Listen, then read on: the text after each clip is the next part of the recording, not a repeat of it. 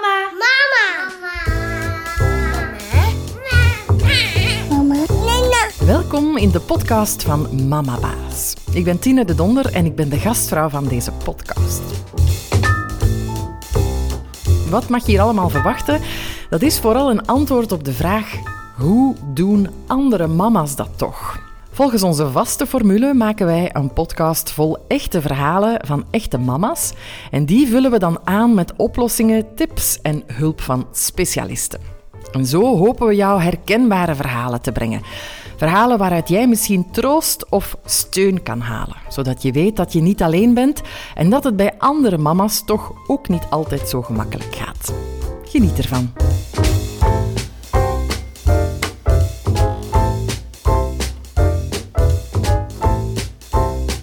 Vandaag is mijn gaste Janneke van Bokkel en ik ga het met haar hebben over autisme. Ze heeft een dochter met autisme en dat heeft ervoor gezorgd dat ze ouderschapscoach werd om onder andere andere ouders te helpen die geconfronteerd worden met autisme in hun gezin. Dag Janneke en welkom in onze podcast. Dankjewel. Vertel eerst eens even iets over je eigen dochter. Hoe oud is ze en wanneer kreeg je de diagnose? Ik heb twee dochters, die zijn inmiddels al groot, die zijn uh, nu 20 en 22. En mijn oudste meisje heeft autisme. En de diagnose kregen we toen ze zes was. En dat is voor een meisje heel jong. Ja? Ja. Meestal zie je dat uh, het bij jongens uh, duidelijker is. En uh, dat meisjes, nou ja, vaak pas veel later een diagnose krijgen. Maar zij was zes. En toen, wat is er toen allemaal veranderd bij jullie thuis? Nou, weet je, de grootste verandering was eigenlijk dat ik dacht: ah, oh, we zijn niet gek dat klinkt misschien raar, maar we hadden zo geworsteld die eerste jaren dat we niet wisten wat er aan de hand was. En het is mijn oudste. En alles ging anders dan hoe het in de boekjes stond. En nou had ik vrij snel dat ik dacht, nou, die boekjes die kloppen niet. Dus ik schuif ze aan de kant. Maar het was ook, het was zo taai. Het was zo taai. Weet je, ze, ze wou nooit knuffelen. Ze was altijd boos. Ze was overal bang voor. Um, en, en wij wisten gewoon niet hoe we haar konden helpen. En het was zo moeilijk dat ik dacht, ja, misschien zijn wij niet geschikt als ouders. Misschien hadden we er niet aan moeten beginnen. Maar ja, je kan ze niet meer terugbrengen nee. als je ze eenmaal hebt. En toen kwam de tweede, um, na tweeënhalf jaar. En dat was zo anders. En toen dacht ik, ja, daar kan je er wel tien van hebben. Het was zo'n enorm verschil. Maar dan nog, dan denk je, nou ja, mensen zijn verschillend, kinderen zijn verschillend, uh, je doet je best. En we hadden wel door dat ze nood had aan veel voorspelbaarheid en structuur en regelmaat. En nou, ik ben zelf ook nog vrij ouderwets opgevoed met de drie R van reinheid, rust en regelmaat. Dus ik dacht, nou, dat is heel goed om dat te doen. Maar wij merkten dat we dat ook nooit los konden laten. Dus bijvoorbeeld op vakanties, als je het juist gezellig wil hebben en we zien wel, dat werkte helemaal niet.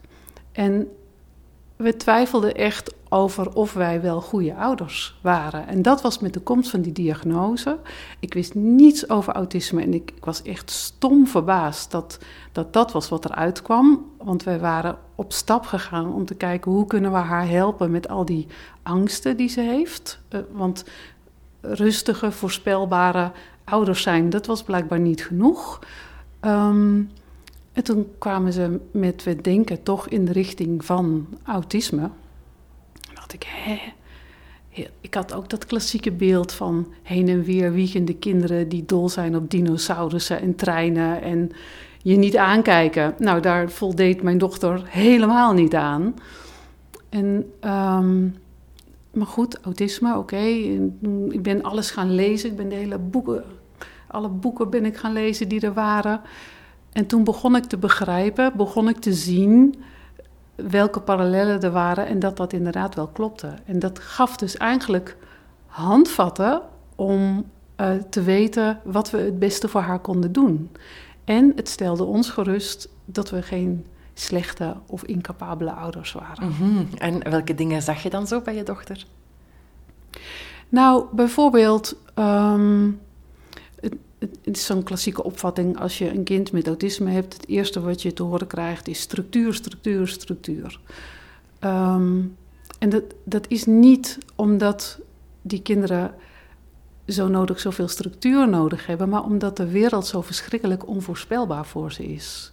Dus je moet voorspelbaar je gedragen en alles zo voorspelbaar mogelijk inrichten om ze te helpen om zich veilig te voelen en om zich goed in hun vel te voelen, zodat er ruimte komt om te ontwikkelen.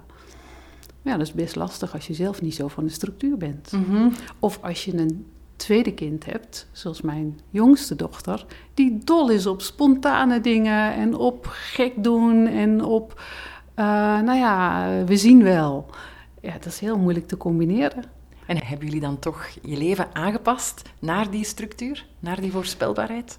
Ja, um, een heleboel hadden we vanzelf al gedaan. Um, toen we die diagnose kregen en toen kregen we ook een soort psycho-educatie en werden we ook als ouders geobserveerd in, in wat we deden en hoe we het konden verbeteren. En kregen we te horen dat we alles al goed deden. Nou, dankjewel, super fijn, maar het blijft gewoon hartstikke taai. Dus, um, uh, nou ja, een van de dingen die, die, die we zijn gaan doen is veel meer splitsen. Dus eh, ik had een droom voordat ik aan kinderen begon van een leuk, warm, gezellig gezin en alles samen doen en veel vriendjes over de vloer en iedereen mag altijd komen meeeten en koekjes bakken en hè, nou ja, zo had ik het me voorgesteld. Dat hebben we moeten aanpassen. Dat moest anders. En uh, met z'n vieren op stap was vaak te ingewikkeld in de zin van dan moesten we zoveel aanpassen en zoveel rekening houden met dat de jongste daar het onderspit delfde en het voor niemand eigenlijk een leuke dag was. Dus we zijn veel meer gaan splitsen. Dan ging de vader met de een en ik met de ander. Uh, en andersom. En dan hadden we met z'n allen een leuke dag. En dan kwamen we weer bij elkaar en dan was het weer goed. En had je daar moeilijk mee? Nou, zoals bijvoorbeeld met vakanties. Ik ben groot gegroeid met je gaat nooit twee keer naar dezelfde plek. Dat is alleen voor hele saaie mensen. Mijn man trouwens is zijn hele jeugd naar dezelfde plek op vakantie gegaan. En ik hoor van hem daar hele fijne, goede verhalen over. En toen onze oudste vijf was en we dus nog niet wisten dat er sprake was van autisme, toen hebben we wel bedacht, omdat die vakanties altijd zo moeilijk waren, laten we proberen een vaste plek te vinden en daar steeds naartoe te gaan. En dat bleek heel goed te werken. Daarmee wist ze goed waar ze aan toe was, waar we heen gingen, hoe het eruit zag. Er waren meer mensen die daar vaker terugkwamen, dus ze had daar vriendjes die ze dan ook weer zag. Maar ik vond dat wel heel moeilijk. Ja, ik, ik heb daar wel uh, mee gestruggeld. En na een paar jaar dacht ik, ach, het gaat zo goed. Kom, we proberen het een keer anders. Nou, dan was het een drama. Dus gingen we dan de volgende keer toch maar weer terug naar dat ene huisje op die camping in Frankrijk. Ja. En heb je zo nog voorbeelden van uh, dingen die je moet uh, aanpassen hebt binnen jullie gezin? Um, het, weet je, het is zo moeilijk soms om, om dat te vangen, wat dat is, want het zit in alles. En dat is ook wat autisme is. Hè? Dat, ze noemen het een pervasieve ontwikkelingsstoornis. Dat betekent dat het doordringt op alle levensgebieden, in alle leeftijden. Um, en dat ook karakter, omgeving van invloed is op hoe het zich uit. En dat is ook waarom ik ben gaan schrijven omdat ik op een gegeven moment, ik had al die boeken over autisme gelezen en ik dacht, oké, ik snap hoe het in elkaar zit, maar wat betekent dat dan voor mij, voor ons, voor ons gezin? Hoe werkt dat dan achter de voordeur? En dat vond ik nergens. En toen ben ik er zelf over gaan schrijven, omdat ik dacht, in eerste instantie eigenlijk voor de buren, voor familie, voor de, de juffen, om duidelijk te maken wat het wat het betekent uh, voor ons. Omdat als jij mij die vraag stelt, dan is dat heel moeilijk te beantwoorden. Want we hebben het nu natuurlijk vooral over het gedoe.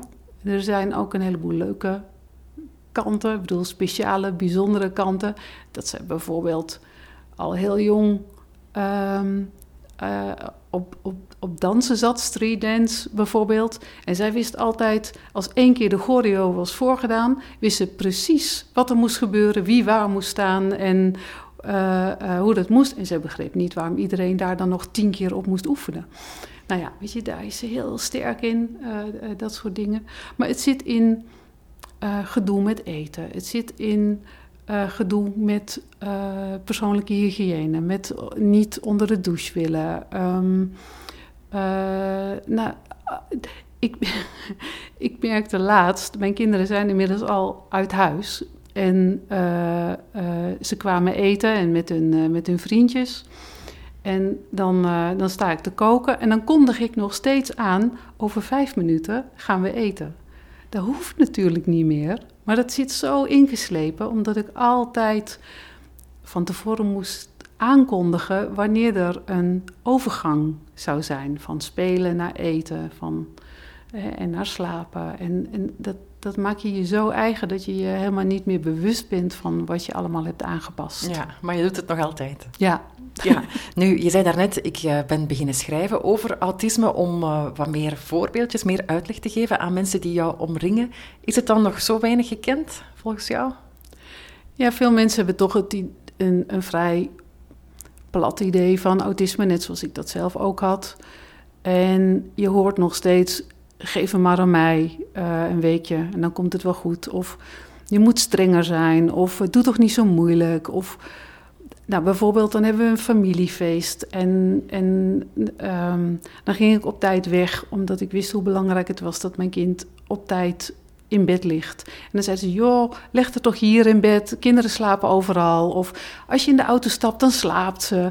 Dat was bij ons niet zo. En het leverde altijd veel stress en, en, en, en ruzie op als we het anders deden. Dus ik maakte het moeilijker voor ons door makkelijk te willen zijn. En dat begrijpt de buitenwereld heel slecht. En het is ook heel moeilijk voor de buitenwereld om te begrijpen hoe het, hoe het doordringt dus in alles. Weet je, nu zitten wij gewoon. We hebben, we hebben een half uur om te praten. Maar als ze op het schoolplein staan en vragen hoe gaat het, ga je, kan je niet een half uur gaan zitten vertellen waar dat allemaal in zit. Dus dan geef je een voorbeeld. Zeg je, oh, daar heeft die van mij ook wel eens. Dat gaat wel weer over. Of joh, maak je niet zo'n zorgen. En daar heb je helemaal niks aan als ouder. Daar heb je echt helemaal niks aan. Ging jij daar dan tegen in? In het begin wel. En later dacht ik, ze weten niet beter. En um, soms probeerde ik het. En soms werd ik er boos van en soms, soms verdrietig. Um, maar ik ben steeds meer gaan vertrouwen op mijn eigen kompas. En steeds meer gaan denken: ja, jullie hebben makkelijk praten, maar uh, ik uh, moet het thuis wel zelf doen. Dus dan doe ik het toch op mijn manier. En vanaf wanneer voelde je, voelde je aan je kompas dat er iets anders was met je dochter? Ja, achteraf was dat eigenlijk op dag één dat ze geboren was. Ja. Um, ik gaf haar de borst.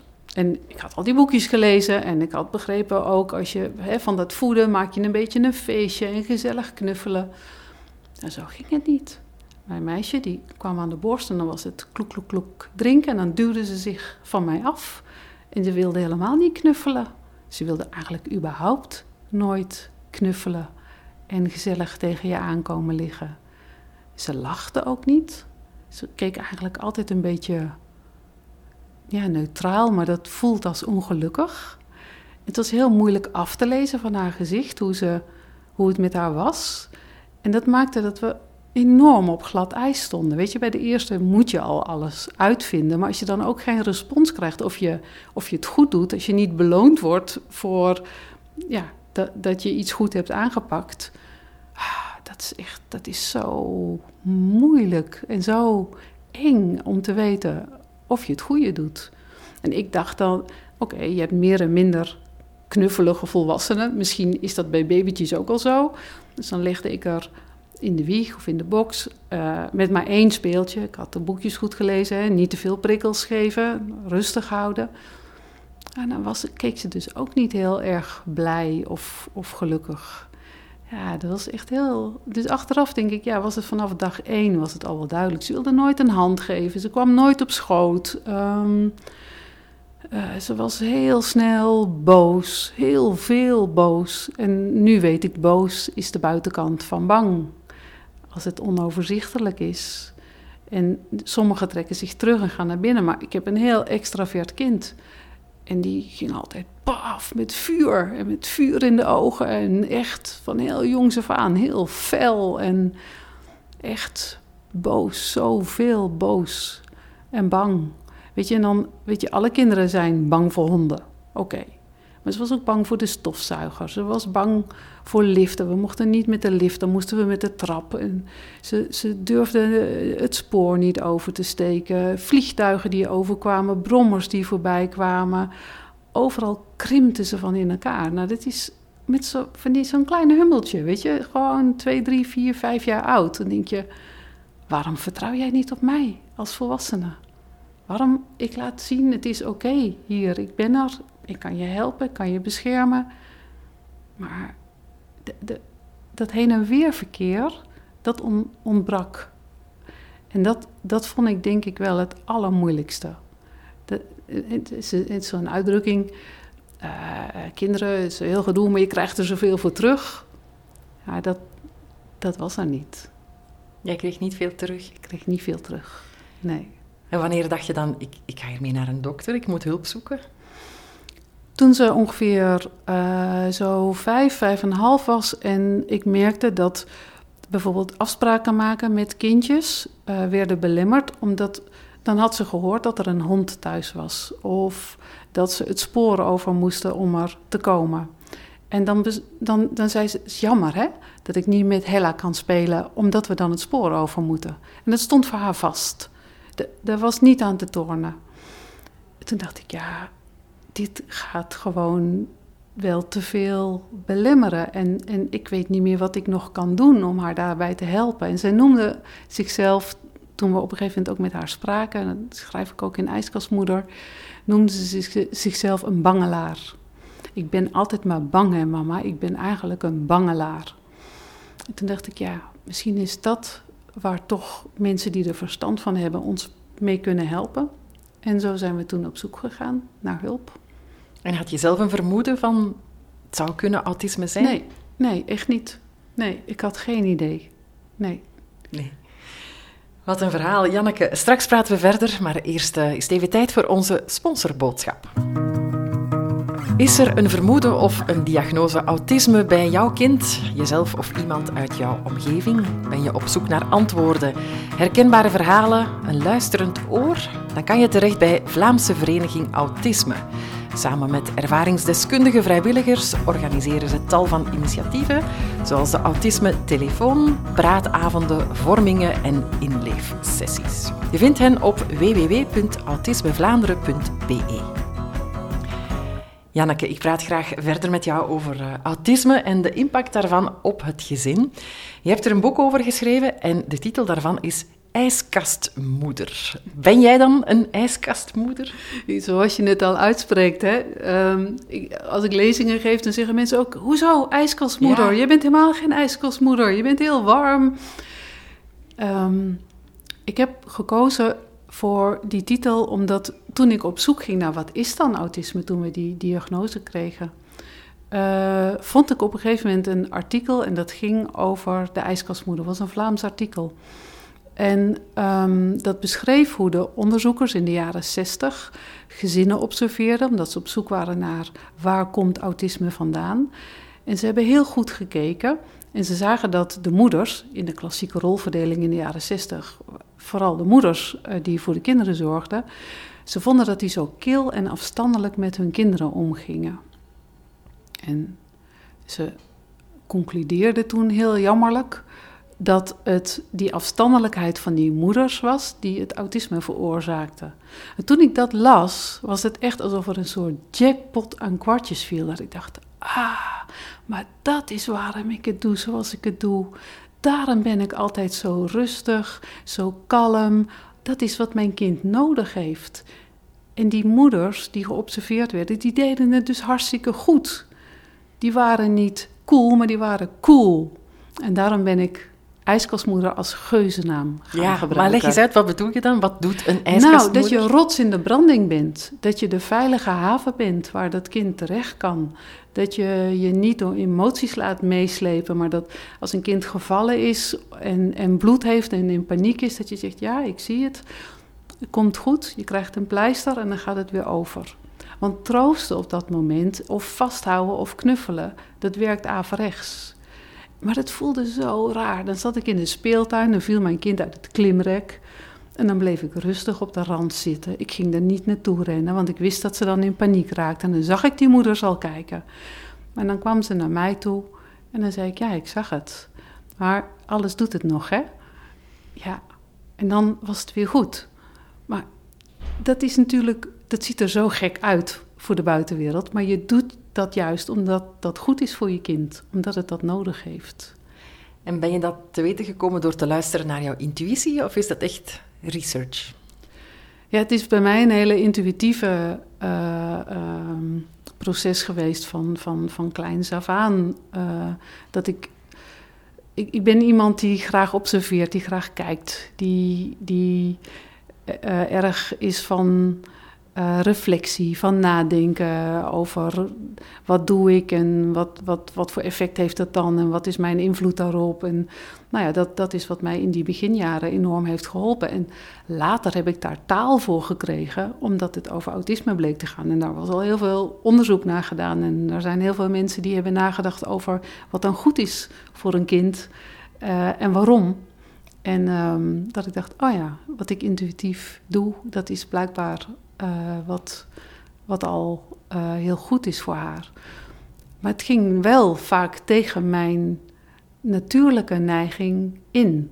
He, wat ik al beschreef, dat ik, ik had het verlangen om zo'n leuk, gezellig, rommelig gezin te zijn met veel mensen over de vloer en etentjes. En ja, dat ging gewoon niet. Dat moest ik niet doen. Ja. En heb je daar nu spijt van, achteraf bekeken? Ach, ja, ik denk, het loopt zoals het loopt. En um, als ik het anders had gedaan, dan was mijn oudste weer heel ongelukkig geworden.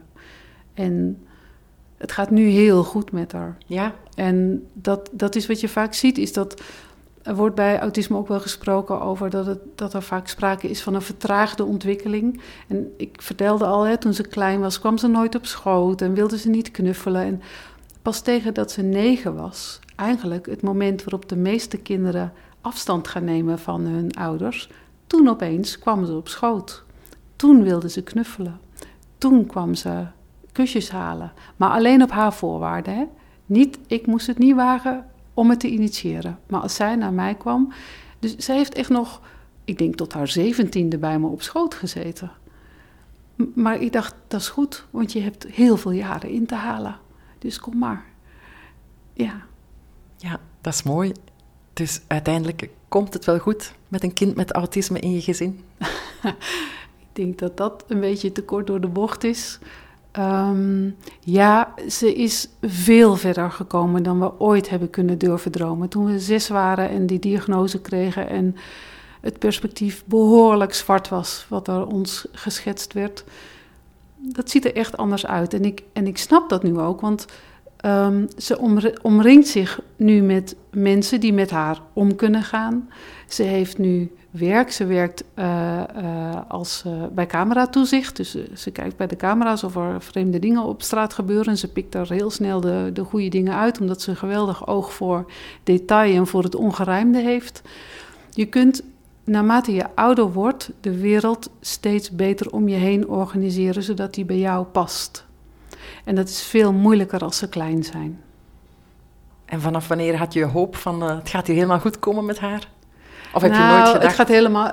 Vanaf een jaar of 15, denk ik, um, kwamen er steeds meer signalen dat ze enorm aan het groeien was. En dat, het, dat, dat er heel veel dingen goed gingen.